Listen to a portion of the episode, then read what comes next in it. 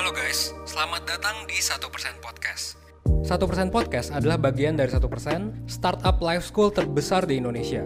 Dalam podcast ini kita bakal ngebahas topik-topik seputar kesehatan mental, pengembangan diri, serta edukasi life skills dengan tamu yang handal di bidangnya.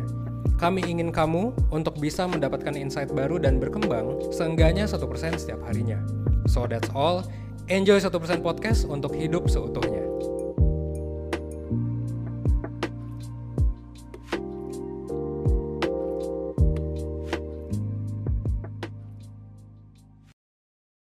Halo Perseners, sekarang kita lagi ada di Don Vito Cafe Depok dan kalian sedang mendengarkan satu persen podcast dengan format video. Satu persen adalah media atau platform edukasi life skills yang juga tergabung di SP Kolektif dan juga sister company lainnya. Sekarang gua sama teman-teman lainnya yang belum gue kenalin, kita pengen bahas soal fenomena Citayam.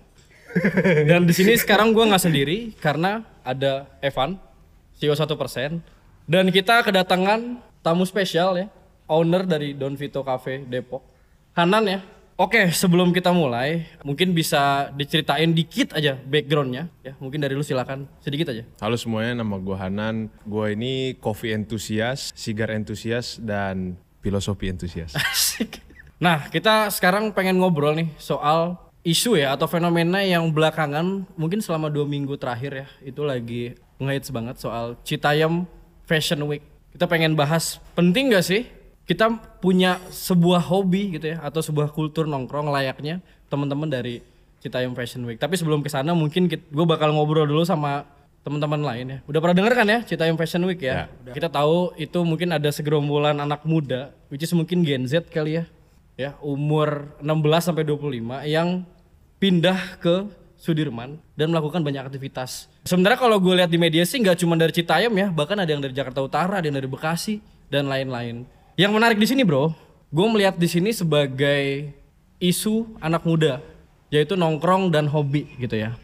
Menurut kalian, menurut kalian gimana nih eh, melihat fenomena itu? Apakah memang itu punya kesan positif gitu di Gen Z anak muda gitu ya? Atau seperti apa? Silakan. Oke, eh, mungkin kita ngomongin soal nongkrong di sini kan tadi fenomenanya Citayam ya. Yang sebenarnya kalau di negara lain ada juga sih.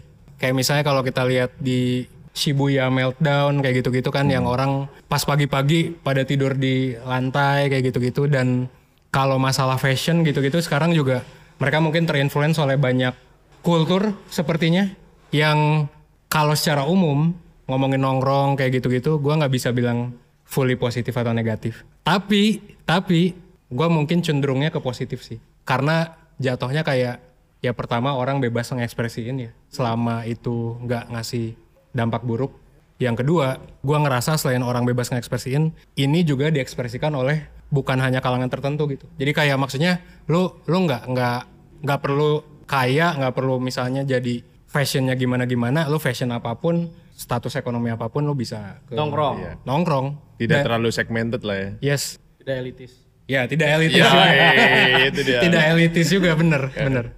Kalau lu gimana Hanan melihat Citayam? Tapi bentar ini kita tegang banget. Kita minum kopi dulu kali dikit ya. Minum kopi dulu dikit. kita. Boleh? Yoi, kita boleh, cobain boleh. dulu dikit ya. lihat. Sikat, sikat, sikat, sikat. ada kopi apa? Room latte. Oke, dari Don Vito Cafe. Kalian bisa cobain di Don Vito Cafe Depok. Kita nyeruput dulu dikit biar nggak tegang teman-teman. Oke, ntar kita mungkin bakal bahas lebih dalam soal kopinya ya. Cuman kita fokus ke Citayam dulu. Gimana menurut lu? Kalau menurut gua Citayam Fashion Week itu kalau gua ngelihat dari sisi yang lebih dalam ya, itu tumplek blek kayak banyak banget pemahaman yang kita bisa dapat dari situ gitu loh, fenomena gitu loh. Itu sebuah fenomena gitu. Dan yang pasti gue setuju banget sama Evan itu banyak banget hal positif ya. Apalagi kita ngelihat nih beberapa pemeran-pemeran di Citayam Fashion Week kan. Kita tahu beberapa namanya. Kita sebut Boleh, Boleh. silakan. Bonge, ya kan, JJ, Roy, bahkan setiap hari tuh masih berjalan ceritanya gitu loh, dari beasiswa segala macam gitu, banyak banget yang bisa kita ambil dari situ. Jadi kalau menurut gua sejauh ini positif sih, positif. Kalau negatifnya Nanti ya. nanti, Kita bahas yang positifnya dulu. iya, gitu. Jadi sama sih karena bener tadi nggak elitis ya. Semua Ya. orang bisa nongkrong. Iya. Bahkan dalam lingkungan yang notaben itu kan elit ya. iya, Cuman gua terkesan aja sih, wah gila berarti semua orang sebenarnya punya peluang buat masuk dalam ruang yang sama. Nah tapi Kalau kita bahas soal hobi dan nongkrong aja fokus. Punya pengalaman gak sih hal-hal yang positif yang lu dapat? Atau mungkin penting gak sih hobi itu penting gak sih? Dan pentingnya tuh buat apa gitu menurut lu? Kalau gua pribadi sejujurnya ya kalau ngomongin hobi dan nongkrong, biar teman-teman tahu juga kan satu persen ada kurikulum. Buat yang belum tahu, ya kita sebagai life school yang membedakan kita mungkin dengan kursus-kursus webinar biasa. Karena sekolah, yang namanya sekolah ya, ya ada kurikulumnya. Eh, kelasnya mungkin bisa online dan lain sebagainya, tapi ya selain kelas kan sekolah tuh biasa ada kurikulum. Nah kurikulum kita tuh di level 3, ya kan level 3 kalau orang udah lulus level 1, level 2, level 3-nya ya ada salah satunya nongkrong. Hobbies dan entertainment sih kita nyebutnya gitu karena nggak cuma nongkrong kan. Dan gua rasa dengan kita hidup di zaman sekarang yang mungkin ada beberapa yang santuy banget atau ada beberapa juga yang hustle culture gitu kan. Menurut gua pribadi jujur ya semua orang butuh hobi sih. Dan dan mungkin semua orang juga bisa jadi in some cases butuh ya nongkrong, nongkrong juga dalam bentuk nongkrong meskipun nggak selalu nongkrong karena kalau orang nggak punya hobi nggak kebayang sih gue maksudnya gua gua nggak pernah ket- ketemu orang gitu ya yang mungkin gua anggap keren terus kayak eh, dan lain sebagainya terus dia nggak punya hobi gitu.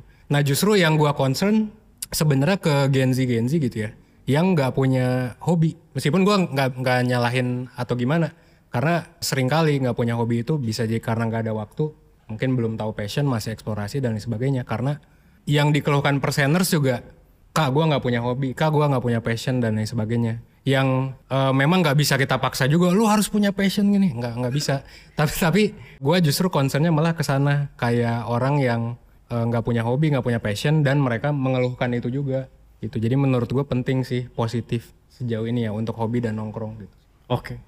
Mungkin juga di saat nongkrong bisa menyalurkan apa pun, ide, bahkan emosi gitu ya. Kita pernah bahas kok podcast soal circle ya, mungkin bisa tunjukin juga. Teman-teman bisa dengar podcast ini juga gitu. Kalau menurut lu gimana Nan? Hobi itu penting banget. Yap. Kenapa pentingnya? Karena itu tempat buat mengaplikasikan apa yang ada dalam diri lu. Sesuatu yang lu passionate, lu seneng Oke. ngerjainnya. Itu kan pengaplikasian nih. Jadi lu nggak hidup di dalam dunia lu sendiri. Hobi itu sebuah cara buat mengaplikasikan apa yang ada di diri lu. Kayak gitu sih. Itu penting banget emang. Dan berawal dari situ, kalau lu asal lagi, lu bisa dapat profit dari hobi yang lu lakukan, Yap. Itu bisa disebut jadi passion gitu kalau menurut gua. Oh iya iya benar benar Jadi benar. emang kuncinya itu di situ pertama buat dapetin yang kayak tadi di kurikulum eh, satu persen untuk nyampe ke tingkat ketiga tadi emang mesti ya ada itu gitu loh. Oke oke. Tapi sejauh mana nih? Ini gue langsung nanya aja ya. Sejauh mana hobi itu bisa jadi buruk atau justru baik gitu? Mungkin ada orang yang bilang, Ya. ya hobi gue mah nongkrong aja gitu. Hobi gue mah mabok aja. Iya. Hobi gue mah jalan-jalan aja lah gitu. Itu kan mungkin buat sebagian orang itu kan ya bisa dibilang negatif juga Ya. gitu. Tapi gue nan dulu ya. Menurut lu gimana sejauh mana hobi itu bisa dikatakan positif dan negatif gitu? Iya. Positif dan negatif kan itu sebenarnya tergantung greater good ya. Greater good yang sering kali kita setujui tanpa perlu kita bicara adalah kebaikan yang lebih besar daripada keburukan buat masyarakat banyak. Oke. Ya kan? Kalau misalnya nih, salah satu contoh hobi yang negatif. Ya sebenarnya hobi yang negatif itu juga negatifnya itu dikasih sama sikap lu kan. Cara lu menyikapi sesuatu yang lu senangi itu baru jadi negatif.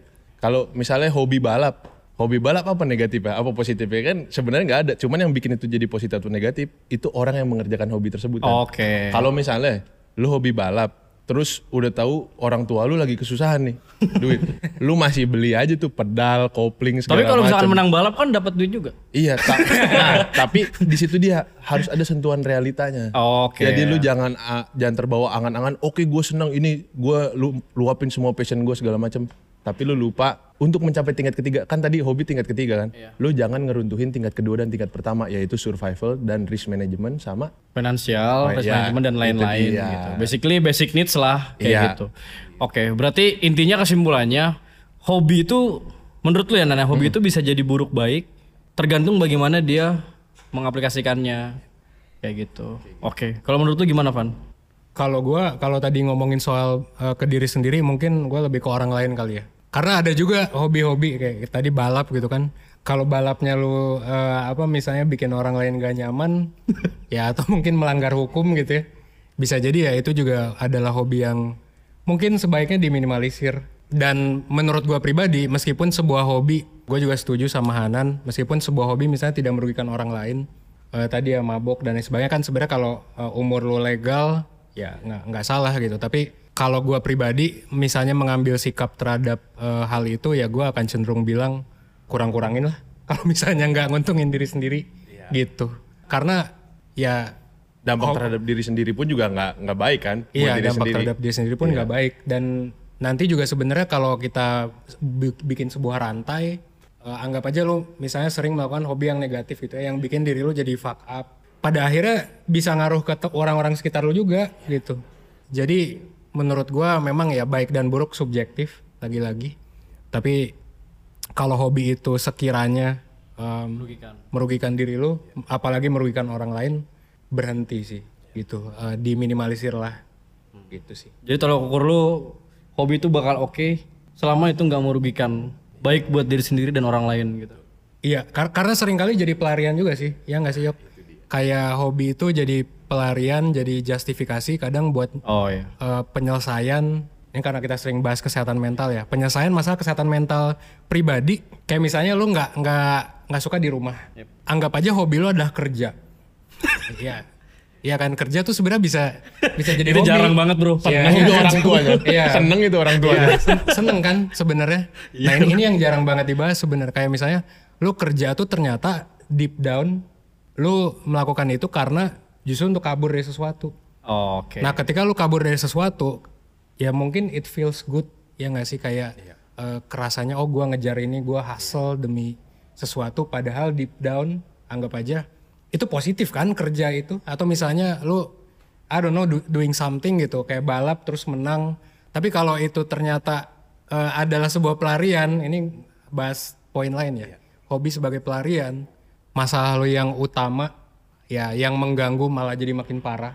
Gara-gara pelarian itu ya entah sama keluarga pasangan atau apa pun itu ya dengan diri lu sendiri. Dan lu nggak menyelesaikan itu jatuhnya nambah masalah baru ya. bisa jadi eh, masalah yang sebelumnya jadi lebih parah sih. Tapi kalau nggak jadi lebih parah terus kayak lu healing misalnya kayak oh gua ke Bali karena gua hobi traveling. Ya it's fine gitu kalau lu nggak nggak jadi makin gimana gimana tapi again hobi itu teman-teman ya nggak nggak menyelesaikan masalah kalau jadi pelarian gitu itu itu hanya menenangkan lu gitu escape even if the hobby is positif bahkan kalau kerja sekalipun ya gue bisa bilang kayak gitu malah Tapi nan kalau hobi lu pribadi apa nih?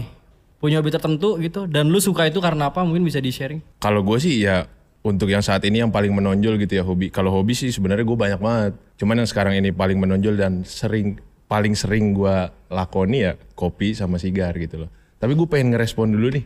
Oh Yang iya, boleh, silakan. Iya, yang tadi, kali ya. yang tadi, yang tadi Evan bilang itu benar banget. Escapism. Kalau lu ngelakuin sesuatu cuman karena escapism, biasanya saat ketemu kesulitan, ya kan? Dulu kan dia mikirnya, oh seneng-seneng gitu kan. Terus dia berpikir bahwa hal tersebut bakalan bawa gua kesenangan terus. Tapi begitu dia ketemu kesulitan di situ, ya kan? Misalnya bikin kopi, dia seneng jadi barista sebuah hobi gitu kan. Dia menyadari bahwa hal tersebut dia lakukan itu sebagai escapism gitu loh. Nah saat dia ketemu kesulitan nih, dia nggak bakal ngedorong lebih jauh. Biasanya kayak gitu, dia nyari escapism lain lagi yang lebih mudah lagi buat nge-appeal perasaan dia. Biasanya mah kayak gitu tuh. Jadinya eh, itu kan sebuah pertanyaan buat diri sendiri kan. Selama ini lu ngejalanin hidup berdasarkan purpose yang benar apa enggak? Gitu loh. Dari hobi aja bisa kelihatan. Jadi sebenarnya sama juga sih. Kayak tadi gue juga setuju sih. Bahkan kadang gue juga punya pengalaman ya gitu loh. Karena gue dulu pemabuk ya. Iya, iya. ya tidak apa-apa ya, Eh, selama Dulu gua kan punya- udah dewasa juga kan Ya, gue punya pengalaman mabuk ya dulu selama SMA mungkin teman-teman juga mungkin pernah yang pernah belum dewasa juga. berarti ya Iya dulu SMA 17 doang tapi belum dewasa gitu. Ya sometimes tadi juga dijelasin sama Evan gitu ya kalau gue lagi galau, lagi suntuk, larinya ke mabuk dan lain-lain gitu.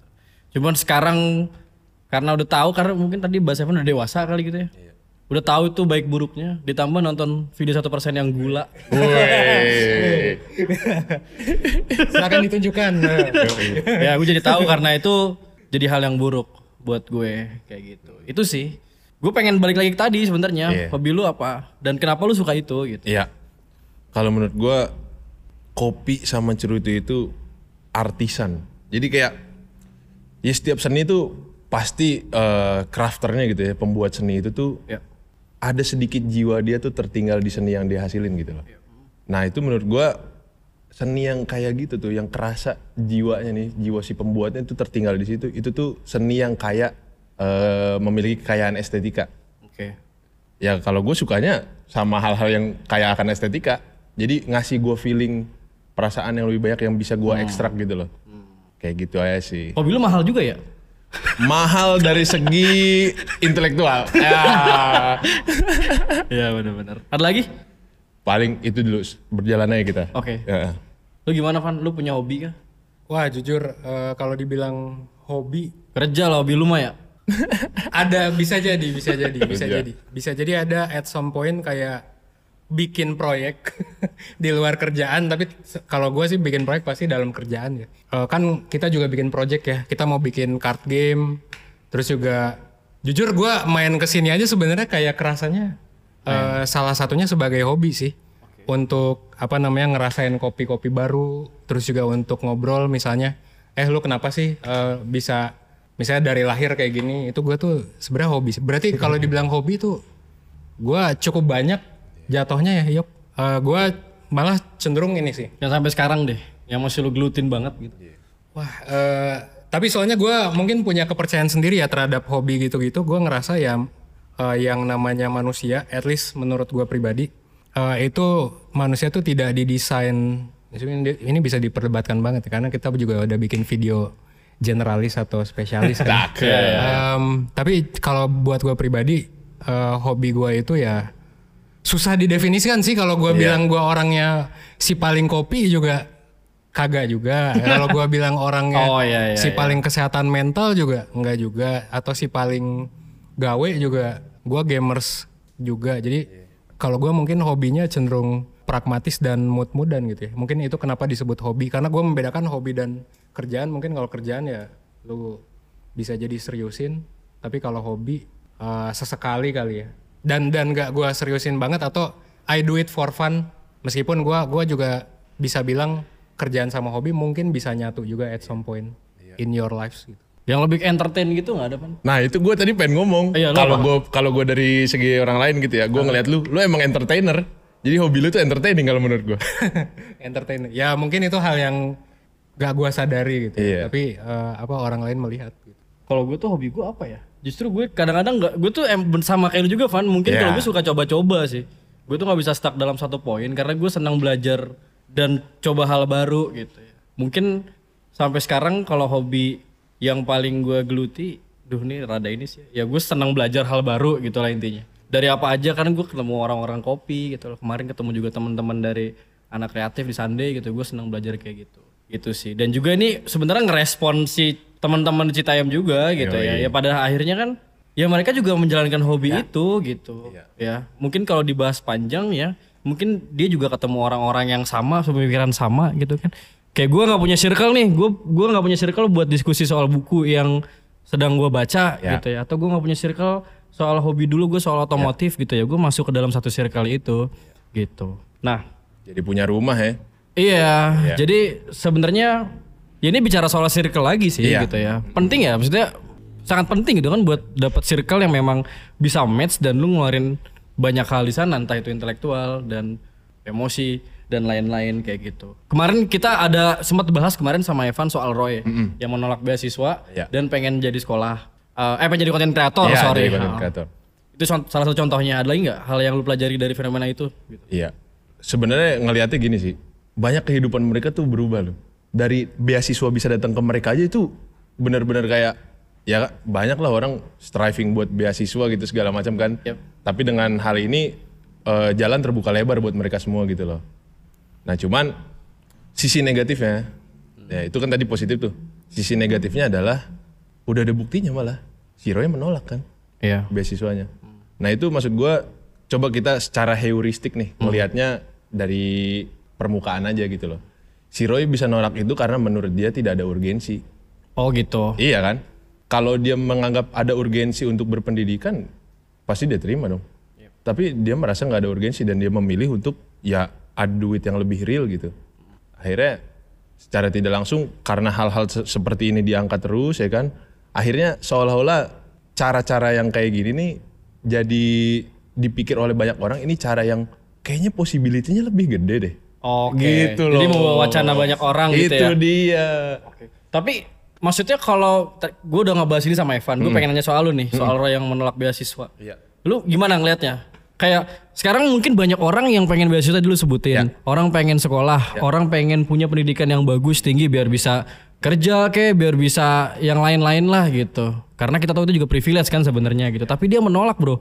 Nah, menurut tuh gimana di era sekarang tuh seperti itu gitu. Menurut tuh gimana? Kalau menurut gue ya, walaupun gue ini si Roy kan ya yang nolak beasiswa itu si Iya, Roy kan. Nah ya, walaupun gue nggak kenal sama Roy gitu ya, ini asumsi aja Roy, selalu jangan baper gitu. Biasanya Nggak Roy. apa-apa. Jadi sebenarnya gue rada seneng aja sih. Oke. Ada sebenarnya jujurnya gue ada ada senangnya dikit. pribadi dia- senang Dia nolak beasiswa. Karena menurut gue itu ngasih unjuk ke masyarakat bahwa kalau lu benar-benar bold sama apa yang lu pengen, sebenarnya nggak ada yang salah gitu loh. Karena lu tahu urgensi lu tuh sekarang uang gitu loh. Misalnya Roy itu emang lagi striving buat uang gitu loh. Ya kan? Misalnya dia dari eh, menengah ke bawah gitu. Ya pasti yang dicari sama dia short term yang bisa dapat impact yang lebih besar yaitu uang Buat gitu. goals loh. dia. Iya gitu loh. Dan gak ada yang salah karena yang penting itu purpose-nya si Roy. Oke, bener-bener. Itu dia. Yang penting itu purpose si Roy. Kalau emang dia nolak beasiswa dengan alasan yang seperti itu, iya. Tapi gue berharap Roy berpikir nih, ketika kondisi dia udah membaik, gitu kan. Ya dia mencoba untuk masuk ke pendidikan. Kalau menurut gue kayak gitu. Tapi untuk sekarang gue setuju sama Roy. Tapi ke depannya nih, gue pengen lihat gitu loh. Kalau lu udah cukup nih uang lu, gitu jadi konten kreator, lu bakalan masuk ke pendidikan gitu loh. Oke. Jadi lu ngelihatnya sebenarnya keputusan apa pun yang aneh di dunia itu sebenarnya it's okay kalau misalnya memang itu punya satu reason yang baik, yang bagus gitu kan termasuk Roy juga sih. Kalau menurut lu gimana Van? Ini bukan soal Roy-nya sih tapi sisi apa lagi yang lu dapat yang lu pelajari dari fenomena Citayam tuh anak muda yang nongkrong dan lain-lain gitu. Menurut gua kayak ini sebuah eh, revolusi gitu. ya. Ayo, karena, karena kayak asli. eh, apa? Gua nggak tahu sih, gua nggak pernah ke du- duku atas cuy. Sejujurnya ya. Kayak bener-bener gak pernah, tapi dan gua ngelihatnya kenapa gue bilang revolusi bukan evolusi. Karena kayak seakan-akan terjadi dalam semalam. At least Cepat dari ya? in my point of view ya. Kayak gua ngelihatnya, lah kemarin kok di sana nggak ada yang nongkrong kok. Maksudnya eh, ya gua termasuk anak MRT sih jatuhnya kalau ke Jakarta juga sering banget eh, KRL-an gitu. Dari kuliah bahkan kuliah di UI juga. Gua suka banget KRL-an dari sejak magang kayak gitu-gitu. Em, dan gue jujur tidak pernah melihat ini. Gue merasa ini adalah sebuah revolusi sih. Yang mana kalau revolusi pasti ada sisi eh, negatif dan positifnya. Positifnya adalah tadi orang eh, yang gue bilang di awal kita bisa asumsikan kebanyakan kelas menengah ke bawah ya pergi ke sana terus untuk berkreasi entah ngapain bikin konten gitu ya. Tapi negatifnya yaitu mungkin yang dikeluhkan orang banyak sampah dan lain sebagainya. Tapi gua cuma em, gua mau nge lihat dampaknya kayaknya lebih ke positif sih. Positifnya adalah sekarang lebih lebih demokratis mungkin dalam segi konten gitu. Eh, ini karena gua pekerjaan gue dari dulu kan konten kreator Eh, sekarang tuh kalau lu lihat di YouTube ya lu kalau cari youtuber yang terkenal di atas kita anggap terkenal tuh di atas 100 ribu subscribers. Dulu itu circle tertentu doang bro. 5 tahun 6 tahun lalu 10 tahun lalu circle tertentu doang. Coba lu lihat aja. Sekarang sopir truk dan lain sebagainya bisa jadi konten kreator. Nah yang ya, iya nggak sih? Bener, true parah. Peternak lele Iya. terus ibu-ibu eh, emak gue juga kayaknya nonton Iya. Gue tuh yang lucu ngeliat polisi main GTA bro. itu lucu banget. itu ada polisi main Main GTA. GTA 5. gue nggak tahu sih jujur kalau yang itu ya algoritmanya nggak masuk ke gue tapi eh, itu lucu banget aja terus dia si karakternya jadi cosplay polisi juga gitu loh terus dia nilang-nilang gitu itu ngakak Oh, sih. gitu. iya iya jadi eh, gua rasa sekarang dari segi konten sekarang tuh terdemokratisasi bro gitu bagi gua pribadi dan gua melihat untuk fenomena Citayam ini ternyata bukan cuma konten tapi fashion. Oke gitu. dan eh, sekarang kan lagi ngetren tuh sustainable fashion dan lain oh iya sebagainya. benar benar benar. Ada juga komen pernah di satu persen kayak pas kita bahas Citayam eh gue udah beli ini nih boots. Kalau nggak salah gue inget banget. Ada yang komen gue udah beli boots dan sebagainya. Kui gitu. Dan itu di satu persen komennya gitu. Pas kita lagi ngomongin Citayam dan jujur gue pribadi ngelihatnya itu oke banget sih buat eh, apa kelas menengah ke bawah terutama mereka bisa dibilang eh, menang lah bukan menang apa ya mungkin bisa jadi naik kelas sih gitu naik kelas dalam hal entertainment dan hobi karena mereka jadi punya tempat, jadi punya wadah berkreasi. Dan ini juga menghidupkan industri lokal. Kalau lu lihat di berita UMKM di sana jadi makin makin ini Hidup. hidup Iya. gitu. Jadi gua ngelihat mungkin dari sisi positifnya ya. Kalau negatif kayak konten-konten kemarin viral konten seksual lah, konten apalah ya itu itu eh, ya gimana masyarakat ininya sih kayak kayak tapi gua pengen lebih fokus. Gue pribadi eh, kayak gua ngerasa lebih banyak positifnya jujur daripada yang eh, negatifnya ya at least in my opinion mungkin eh, apa perseners bisa komen kali Iya ya. iya benar-benar. Tapi iya sih gue juga lihat di media sebelah itu bener-bener ada satu pembungkusan indep mungkin gitu. Dan memang tuh ini bukan bukan Roy, bukan JJ, bukan si Bonge ya. Ada lagi satu orang gue lupa namanya. Memang itu tuh dia cerita memang dia kenapa ke Sudirman, kenapa ke Jakarta. Itu karena banyak problem di dalam circle rumahnya gitu. Emang backgroundnya juga orang tuanya kurang sehat juga gitu ya. Terus sama circle-circle juga mungkin gak match sama dia gitu. Justru dia bilang dia tuh ke Sudirman itu sebenarnya buat healing. Buat healing dan dia senang buat ketemu circle baru. Gak cuma dari Citayam katanya, gue ketemu orang Jaks- eh, Jakarta Utara, ketemu orang-orang Bekasi gitu. Jadi menurut gue bener sih soal demokratisasi. Asli. Iya, jadi kayak ya semua orang pada akhirnya punya peluang yang sama gitu. Iya. Tadi kita bahas juga soal elitis dan lain-lain gitu. Jadi semua orang punya peluang yang sama entah dari mana background lu itu bisa masuk dalam satu circle tertentu. Kayak gitu kan. Nah, jadi menurut gua bener sih revolusi juga sih Van gitu. Dan sangat menarik terutama buat Gen Z ya. Gen Z yang punya stigma healing, gampang stres dan lain-lain itu oke banget sih. Gak perlu mahal, gak perlu mahal. Gak perlu mahal juga gitu. Bahkan kalau misalnya dilihat dari fashionnya juga nge-thrift kan. Kita Iya. juga sempat bikin konten soal bagaimana tuh baju yang mereka pakai itu juga bisa punya poin-poin sustainability juga gitu karena nge-thrift gitu. Terus karena dia bisa punya uh, metode buat coping dan lain-lain. Tapi sebelum kita bahas ke coping stress yang lebih dalam lagi, kayaknya asik juga kalau kita bahas dalam sisi negatifnya dulu sih. Gitu karena kan di, di media juga ada sisi negatifnya kayak gitu. Nah kalau yang gue lihat pertama teman-teman itu pada tiduran di Itu kayak gimana sih ceritanya? jadi gini ad- emang gue nggak tahu di daerah di Sudirman juga. Jadi emang ada jembatan dan itu tempat lalu lalang orang kerja kalau pagi. Gitu. Nah di situ teman-teman Citayam tiduran aja alasannya menunggu kereta siang kayak gitu nah itu gimana Eh, melihat hal itu apa ada respon tertentu nggak Hanan dulu deh gimana menurut lu, Nan? Jadi gue belum ngerti sih aja. Jadi gini Nan, jadi eh, si teman-teman Citayam itu kan pada migrasi berarti migrasi Iya, ke jadi enggak yang yang gue bingung tuh, yang gue bingung tuh kenapa mereka tidur di situ gitu loh. Nah itu Kan mereka pulang kan malamnya? Kagak, kagak pulang. Oh kagak nggak pulang. pulang nih nginep di situ. Lah itu ngumpul-ngumpul pada bau, belum pada mandi gimana? Nah iya makanya lu bisa ada respon tertentu nggak sama hal itu? Gue kira Fashion Week tuh maksud gue lu datang bersih gitu, udah ready buat buat di catwalk tuh di zebra Iya, cross. Iya, iya, itu Iya malamnya. kan? malamnya. Itu udah beres. Paginya itu dia harus mungkin ketinggalan kereta kan karena sampai tengah Oh, malam. Nah dia tuh tidur Tidur di jalan. tidur di jembatan di Bukan cuma jembatan sih, banyak jalan juga banyak ya. Di jalan juga Di mana banyak. itu banyak orang lalang juga kan kayak gitu. Nah itu gimana respon lo? Iya kalau kayak gitu sih udah nggak enak dipandang. ya kalau kayak gitu sih udah nggak enak dipandang ya maksudnya. Tapi sebenarnya sebenarnya ya kalau gue sih juga pernah tidur di jalan ya. Cuman maksudnya, cuman maksudnya kalau satu orang doang gitu loh. Cuman kalau segrup Fashion Week gitu, lah ini mah ini ibarat kata apa ya panitia nggak nyewa hotel ini bikin acara di kota orang. Jadi jangan bener, kayak bener, gitu. bener. Ya agak kurang kurang ini aja sih, kurang kurang sesuai pada tempatnya. Iya, Itu iya. aja Ya tadi sih. mungkin yang dibahas ya, ya hobi pun bisa jadi buruk. Iya. Mungkin salah satu contohnya yang kita mungkin anggap buruk seperti itu. Dan Iya. tadi solusinya ya harusnya mungkin bisa lebih menyesuaikan lah. Kayak gitu. Kalau menurut lu gimana Pan?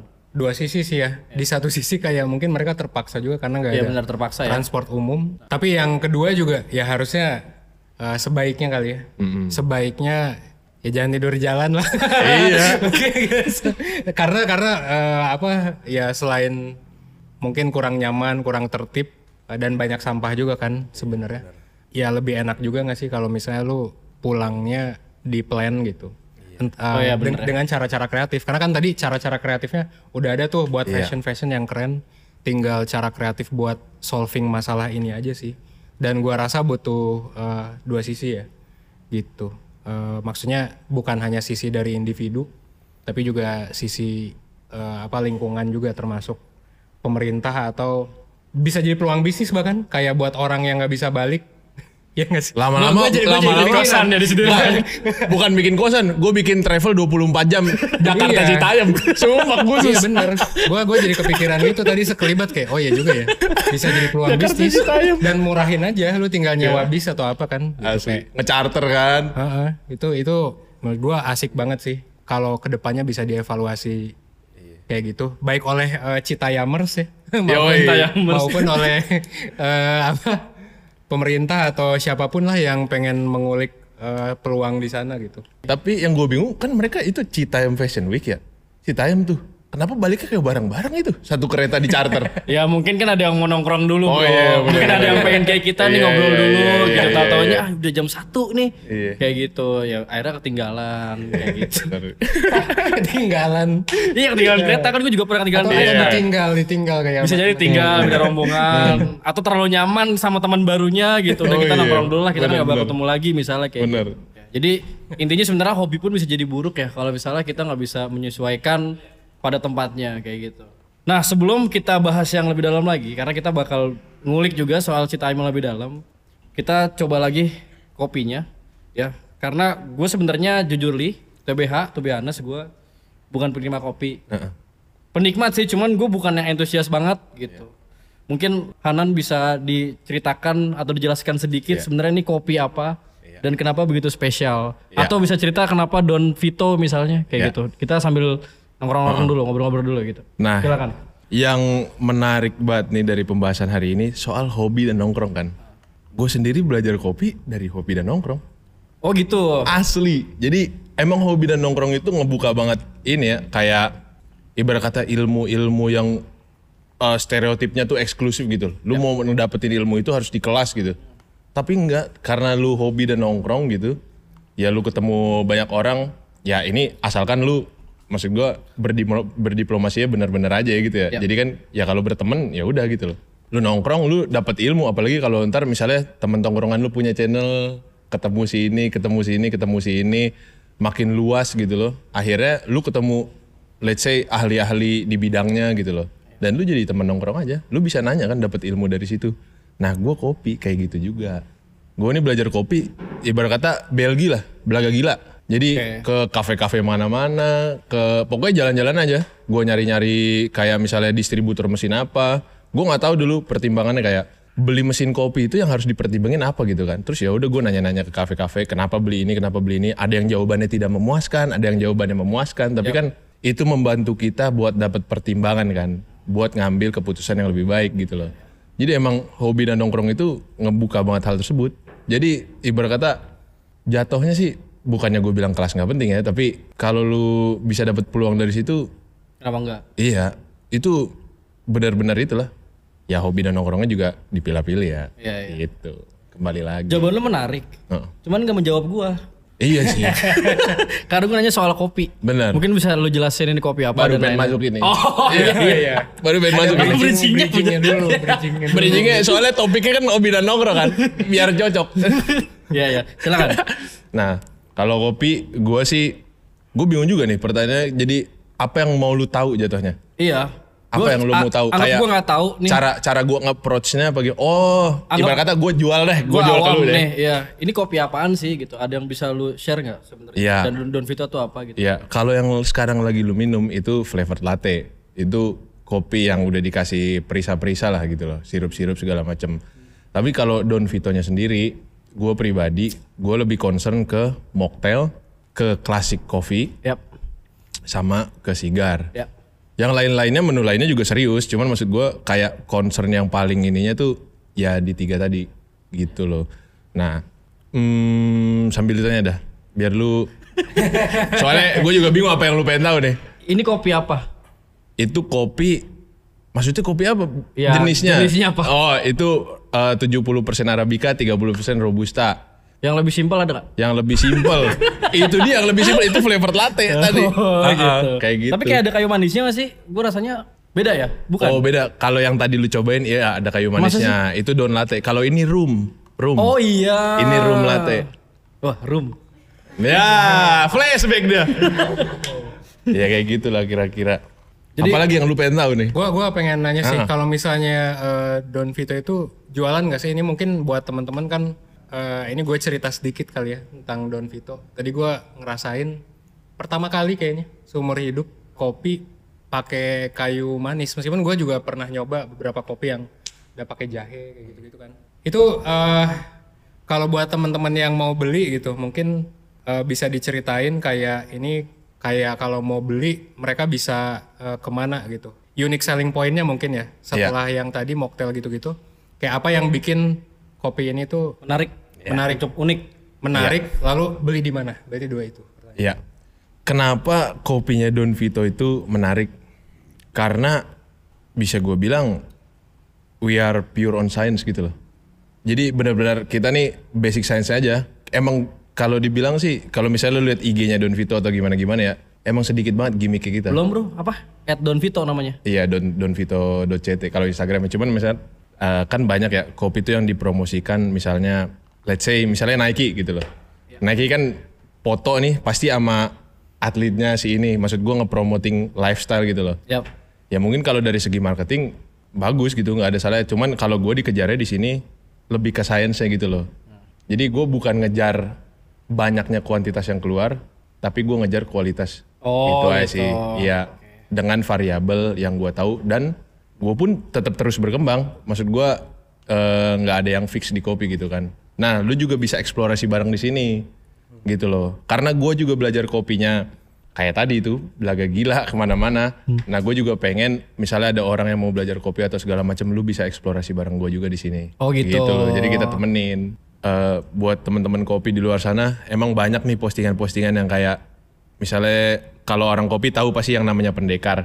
Pendekar Ya, kopi. Pendekar kopi yang kayak dateng Oh abis yang itu. gini ya? Oh ini airnya segini nih. Ah, ini iya. yang Oh, gitu. Eh, Iya. pernah kayak gitu bro. Iya, nah kalau di Don Vito jangan takut dikucilin. Pendekar-pendekar silakan datang karena lu boleh bertanya di sini.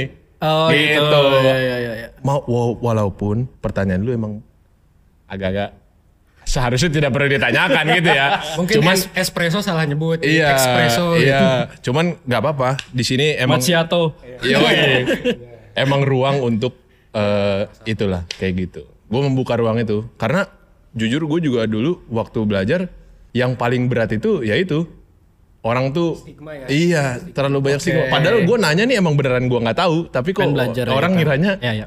iya gitulah gitu. Jadi welcome guys sokin gitu. Eh, kalau misalnya gue orang Jakarta atau orang daerah Citayam gitu juga. Citayam pengen ngakses Don Vito itu gimana? silakan kontak Don Vito lewat Instagram bisa at donvito.ct atau mau langsung datang ke sini ada di Google Maps tinggal cari Don Vito Cafe dan Tabakalera kayak gitu guys Sekarang kita lanjut ke arah sedikit ya mungkin terakhir yang lebih praktikal kayak gitu karena mungkin teman-teman presenters punya banyak masalah. Mungkin beberapa orang tuh ada yang ngerasa dia tuh nggak punya hobi terus nyablon gitu. Mungkin lu nggak tau nyablon ya? nyablon apa tuh Nyantai blow on. walah engkang-engkang kaki gitu ya iya. Kan sebagian orang ada yang kayak gitu ya. Iya. Aku nyablon aja deh gitu. Atau mungkin ada teman-teman lu juga kayak nggak punya hobi dan lain-lain gitu. Nah, menurut lu gimana sih? Pertama, lu melihat seperti itu seperti eh, kayak gimana? Apa gitu? Dan bagaimana menurut lu solusinya ketika memang sudah masuk di tahap itu gitu. Evan dulu deh. Gue dulu ya. Ya. Oke. Eh, paling gini sih kalau misalnya teman-teman ya tadi yang gue bilang, gue concern ke orang yang memang di awal kan gue bilang gak punya hobi dan mereka resah soal itu. Yap. Atau kayak nggak punya hobi terus jadi nggak punya pelepasan stres. Atau eh, punya hobi tapi jadi pelarian gitu. Menurut gue itu negatif sih eh, bagi gue pribadi ya. Yap. Eh, of course kalau misalnya lu nggak ngerasain dampaknya ya you do you lah maksudnya terserah lu juga tapi kalau lu udah ngerasa ada dampak negatif atau lu ngerasa susah gitu eh, ya jadinya nyablon gitu kan pertama eh, coba luangin waktu sih dan ini jujur waktu luang itu Penting ya?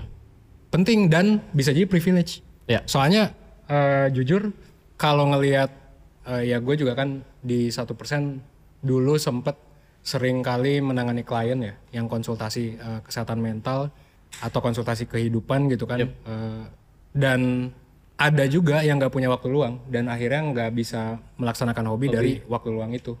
Eh, dari ketiadaan waktu luang itu. Makanya eh, yang paling utama eh, kalau masalah lo udah kelar I mean nyari duit ya nggak sih? Kayak mungkin ada yang sandwich generation atau apa. Kalau masalah udah kelar coba eh, luangin waktu sih gitu. Nggak semua orang bisa luangin waktu tapi at least eh, luangin waktu untuk apa pun hobi karena itu sebenarnya bisa jadi salah satu pelepasan stres gitu. Termasuk even nyablon itu sendiri kalau itu dijadikan sebagai apa ya coping lu misalnya nyantai-nyantai doang gitu ya ongkang-ongkang kaki. Gak masalah sih menurut gua. Tapi kalau nyablon itu adalah eh, ya itu balik lagi ke purpose ya Gen. Kalau misalnya itu lu kerasanya malah jadi buang-buang waktu atau merasa bersalah setelah itu ya segera eksplorasi. Segera eksplorasi. Dan eksplorasi ini sebenarnya bisa lakuin dengan banyak hal gitu. Bisa tadi datang ke fashion week ya kan? Bisa juga dengan lu eh, kalau Hanan tadi nongkrong nongkrong di tempat kopi gua dengan mungkin ya ke tempat-tempat baru kayak gini ini bisa jadi langkah eksplorasi. Dan ini kebetulan memang terjadi ya gua punya privilege di ruang kerja gua sendiri gitu kan. Ya. tapi mungkin buat teman-teman yang tidak punya privilege itu ya carilah waktu luang. Dan luangkan waktu karena eh, percayalah memanusiakan diri lu sendiri kali. Soalnya eh, tadi kalau dari perspektif gue sendiri manusia tuh mungkin tidak ditakdirkan untuk hanya satu hal. Iya. Jadi kayak eh, do many things saja sih Yep. dan menurut gua lebih bagus kalau doing things melakukan sesuatu yang lu suka. Iya. Itu sih so eh, advice pertama kalau gua bisa kasih advice Iya. eh, luangin waktu. Oke oke. Jadi em, intinya tadi menemukan banyak hal dalam hobi kayak gitu. Jadi kita punya peluang banyak untuk menemukan diri kita gitu kan. Jadi kayak mungkin semacam apa ya? Explore banyak hal gitu ya. Kalau menurut gue sebenarnya kalau misalkan tahap muda sekarang ya umur 20-an gitu, hobi mah lakukan aja yang penting terbaik dan positif. Nanti suatu hari ya atau dalam diri kita tentu pasti bisa menemukan mana yang lebih cocok. Ya bisa jadi jadi jurusan kuliah atau bisa jadi jadi karir kayak gitu ya. Kayak si Hanan juga mungkin hobinya dulu suka ngopi dan nongkrong ya sekarang jadi karir sendiri. Nah kalau lu gimana eh, Hanan? Ya. Tadi eh, soal hobi ya. Misalnya lu punya teman dia tuh nyablon gitu. Mm-mm. Nah gimana respon lo gitu? Atau gimana solusi lu untuk melihat hal itu gitu kalau menurut lu? Ha. Gue paling sering nemenin orang-orang yang nyablon malah. Dan emang ya namanya juga gue bekutet di dunia yang nongkrong kan. Yep. Otomatis pasti banyak orang yang emang kerjanya nongkrong doang gitu nyablon. Gue selalu ngasih pesen sih buat orang kayak gitu. Dan kalau emang ya kan banyak alasan ya. Bla bla bla bla bla bla bla bla. Gue cuman ngasih satu solusi, terserah lu mau lakuin apa enggak. Tapi solusinya itu emang butuh keberanian. Yaitu apa? Lu keluar, lu kenalan sama orang baru, Oh iya. lu menjalani aktivitas baru. Yep. Mungkin yang nahan lu buat ngelakuin itu adalah rasa takut lu buat bicara sama orang, buat menerima penolakan dari orang. Tapi sumpah, lebih banyak orang-orang baik daripada orang-orang yang kayak begitu. Maksud gua, lu jangan kemakan sama pikiran lu gitu loh. Misalnya lu bicara apa terus lu takut orang itu ntar meresponnya gimana, Yep. kayak nggak bisa menyikapi rejection gitu loh. Yep. Santai aja bro, banyak orang yang mau nemenin karena ya gimana ya, orang Indonesia baik-baik, orang-orang paling ramah di dunia kan, gitu loh. Jadi sumpah lu keluar aja men, kenalan sama orang baru, cari aktivitas baru. Kalau emang lu belum nemuin gitu hobi yang cocok buat lu, apa yang mau lu kerjain, terus aja Yep. cari, Yep. gitu aja. Dan teman-teman, kalau misalnya dalam satu titik lu nggak punya teman ya buat cerita Iya. gitu soal masalah lu, lu bisa konsultasi ya atau cerita sama mentor terbaik di satu persen. Lu bisa follow at live consultation ID. Di situ lu bisa cerita banyak hal. Salah satunya soal hobi lu. Tadi juga udah jelasin ya bahwa sebenarnya perjalanan ya mungkin kayak perjalanan gitu. ya. Menemukan banyak experience pengalaman tuh penting untuk membentuk diri lu sendiri. Satu pertanyaan terakhir, kalau misalnya hobi itu jadi negatif dan bikin candu, itu harus gimana? Kanan dulu deh. Gue dulu. Ah. Oke. Negatif dan bikin candu. Biasanya hal negatif tetap dilakukan sama seseorang itu karena dia nggak menyadari hal tersebut itu membawa pengaruh negatif lebih banyak. Yap. Ya kan? Pilihannya cuman sebenarnya kalau lu nggak nyadar itu negatif, berarti lu let's say kurang melihat diri lu. Kalau lu nyadar itu negatif tapi lu tetap lakuin, berarti lu denial. Ya satu-satunya cara. Coba lu kalau misalnya ada orang komen komen tentang lu atau nggak gimana, coba lu dengerin lu timbang-timbang omongan orang. Terkadang emang penting menimbang omongan orang buat buat apa ya keluar dari pikiran lu sendiri dan melihat realita gitu loh. Dampak yang lu lakuin ke diri lu sendiri tuh apa? Kadang kan orang ya kan orang lain yang melihat kita. Mata kita di sini kita ngelihat ke sana gitu kan. Tapi orang lain yang melihat diri kita gitu. Jadi emang ada ada porsinya lah buat dengerin omongan lain gitu. Omongan orang lain Oke, lebih lebih mendengarkan orang atau Iya. masukan atau apa pun ya. ya jadi kunci pertamanya emang di kesadaran bahwa hal tersebut itu membawa dampak negatif buat lu Oke. nah setelah itu pasti solusinya akan datang bersama kesad kalau udah sadar nih solusinya bahkan beriringan Oke, gitu oke, oke. Kalau lu gimana, Van? Kalau gue pribadi ya eh, again setiap orang ya pasti punya alasan yang be- beda-beda ya, buat ngelakuin hal yang negatif atau hobi yang negatif. So kalau misalnya lu pasti yang mendengarkan inilah ya yang mungkin jadi bisa jadi sadar atau dapat insight baru gitu. Eh, ya segera di plan aja sih. Jadi setelah sadar mungkin bisa jadi lu kayak punya pemikiran untuk keluar, untuk misalnya ngapain gitu kan. Tapi bagi gua eh, akan lebih baik mungkin ya kalau gua boleh kasih saran eh, untuk bikin goals kali ya gitu yang realistis dan juga yang bisa lo lakuin dan dikit-dikit aja juga nggak masalah gitu kan. Eh, untuk keluar dari zona itu sih ya lakukan itu aja. Ini bisa berlaku buat semua orang pun. Satu persen sendiri sering banget ya kita ngasih worksheet gratis. Eh, yang kalau kalian lihat di video-video di sini juga eh, ada worksheet gratisnya ya. Lu bisa cek di link di deskripsi kayak untuk mengubah kebiasaan buruk itu ada gitu ya worksheetnya kita kasih. Eh, lu bisa mulai dari sana sih. Dan itu gampang maksudnya tinggal lu catat aja iya sih itu sesimpel itu aja Iya. itu setelah sadar lu eh, do something jangan jangan nunggu terlalu lama meskipun Iya. it's okay ya untuk gak usah cepet-cepet banget juga dipaksain gitu gitu Iya. sih yang penting satu persen setiap harinya ya, ya. betul yang penting satu persen setiap harinya Ya kalau gue sama sih kayak eh, Hanan ya. Tapi mungkin fokus gue lebih ke ya udah lu error aja gitu. Tadi kan mungkin kan si Hanan bilang ya lu harus dengerin orang. Cuman kadang kan ada memang circle yang nggak cocok juga gitu nggak Iya, bisa dukung betul. dia gitu. Kalau gue selagi muda sebenarnya ya banyakin error aja gitu. Kalau misalkan memang lu nggak sadar suatu hari lu error dan lu sadar itu menurut gue itu oke sih Iya. gitu. Karena banyak banget di hidup gue juga perubahan itu karena memang udah error karena udah gagal gitu. Benar. Contohnya tadi deh gue bahas mabuk lagi ya gitu. Ya, Maksudnya gue berhenti semabuk-mabuk itu ya karena dulu gue pernah tiba-tiba muntah seharian lah dan lain-lain gitu. Jadi sometimes memang butuh error dulu baru Iya. kita sadar intinya ya explore aja terus kayak gitu. saat lu melakukan trial dan error sebisa mungkin lu bisa ngedigest proses itu dengan baik. Jadi ya lu kan tahu kan kata-kata mistakes will be repeated until it was learned. Ya, ya kan? benar-benar. Jadi semoga lu semua bisa secepatnya ngedigest ngeproses gitu loh pelajaran yang dikasih dari error tersebut supaya nggak nggak terulang lagi lebih banyak lagi dan kerusakannya jadi lebih panjang kayak gitu aja sih. Ya, ya. Cakep tuh. Oke, oke. Gitu. Oke, udah kurang lebih satu setengah jam. Tadi kita udah banyak ngobrol sama Evan, sama Hanan juga. Ya, intinya sebenarnya semua orang tuh bisa nongkrong ya, nggak peduli lu dari background apa, ya. Lu bisa punya waktu buat nongkrong dan ketemu banyak orang seperti itu. Dan tadi juga dibahas ya, Citayam, ya Citayam tuh sebuah revolusi. Gitu. Jadi ya udah lu background lu apa, lu bisa melakukan hal tertentu, lu bisa nongkrong juga di mana pun dan itu nggak jadi masalah kayak gitu. Nah tapi ingat nongkrong juga bisa jadi positif dan negatif ya, tergantung bagaimana penyesuaian diri lo gitu. Kalau misalkan memang positif ya lu dapat hal banyak dari sana.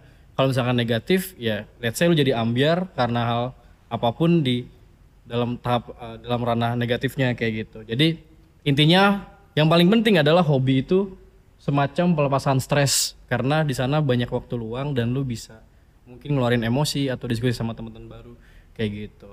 Kita ketemu lagi di episode selanjutnya. Tetap berkembang setidaknya satu persen setiap harinya. Thank you. Thanks ya udah dengerin podcast 1% sampai habis di segmen obrolan Gen Z bareng gue Yoga. Stay tune terus dengan follow akun 1% di berbagai kanal media sosial. Nah, lo juga bisa nih cek sister company 1%. Untuk layanan konsultasi di @liveconsultation.id, untuk belajar kehidupan lewat webinar dan kelas online di @liveskills.id, untuk belajar persiapan karir di @spkarircenter, buat ngomongin masa depan di @sipalinggenz, buat ngembangin bisnis dan UMKM lewat @postmetric, dan lo juga bisa follow spkolektif.id sebagai holding dari berbagai perusahaan tadi. Oke, sampai ketemu di episode selanjutnya ya. Thank you.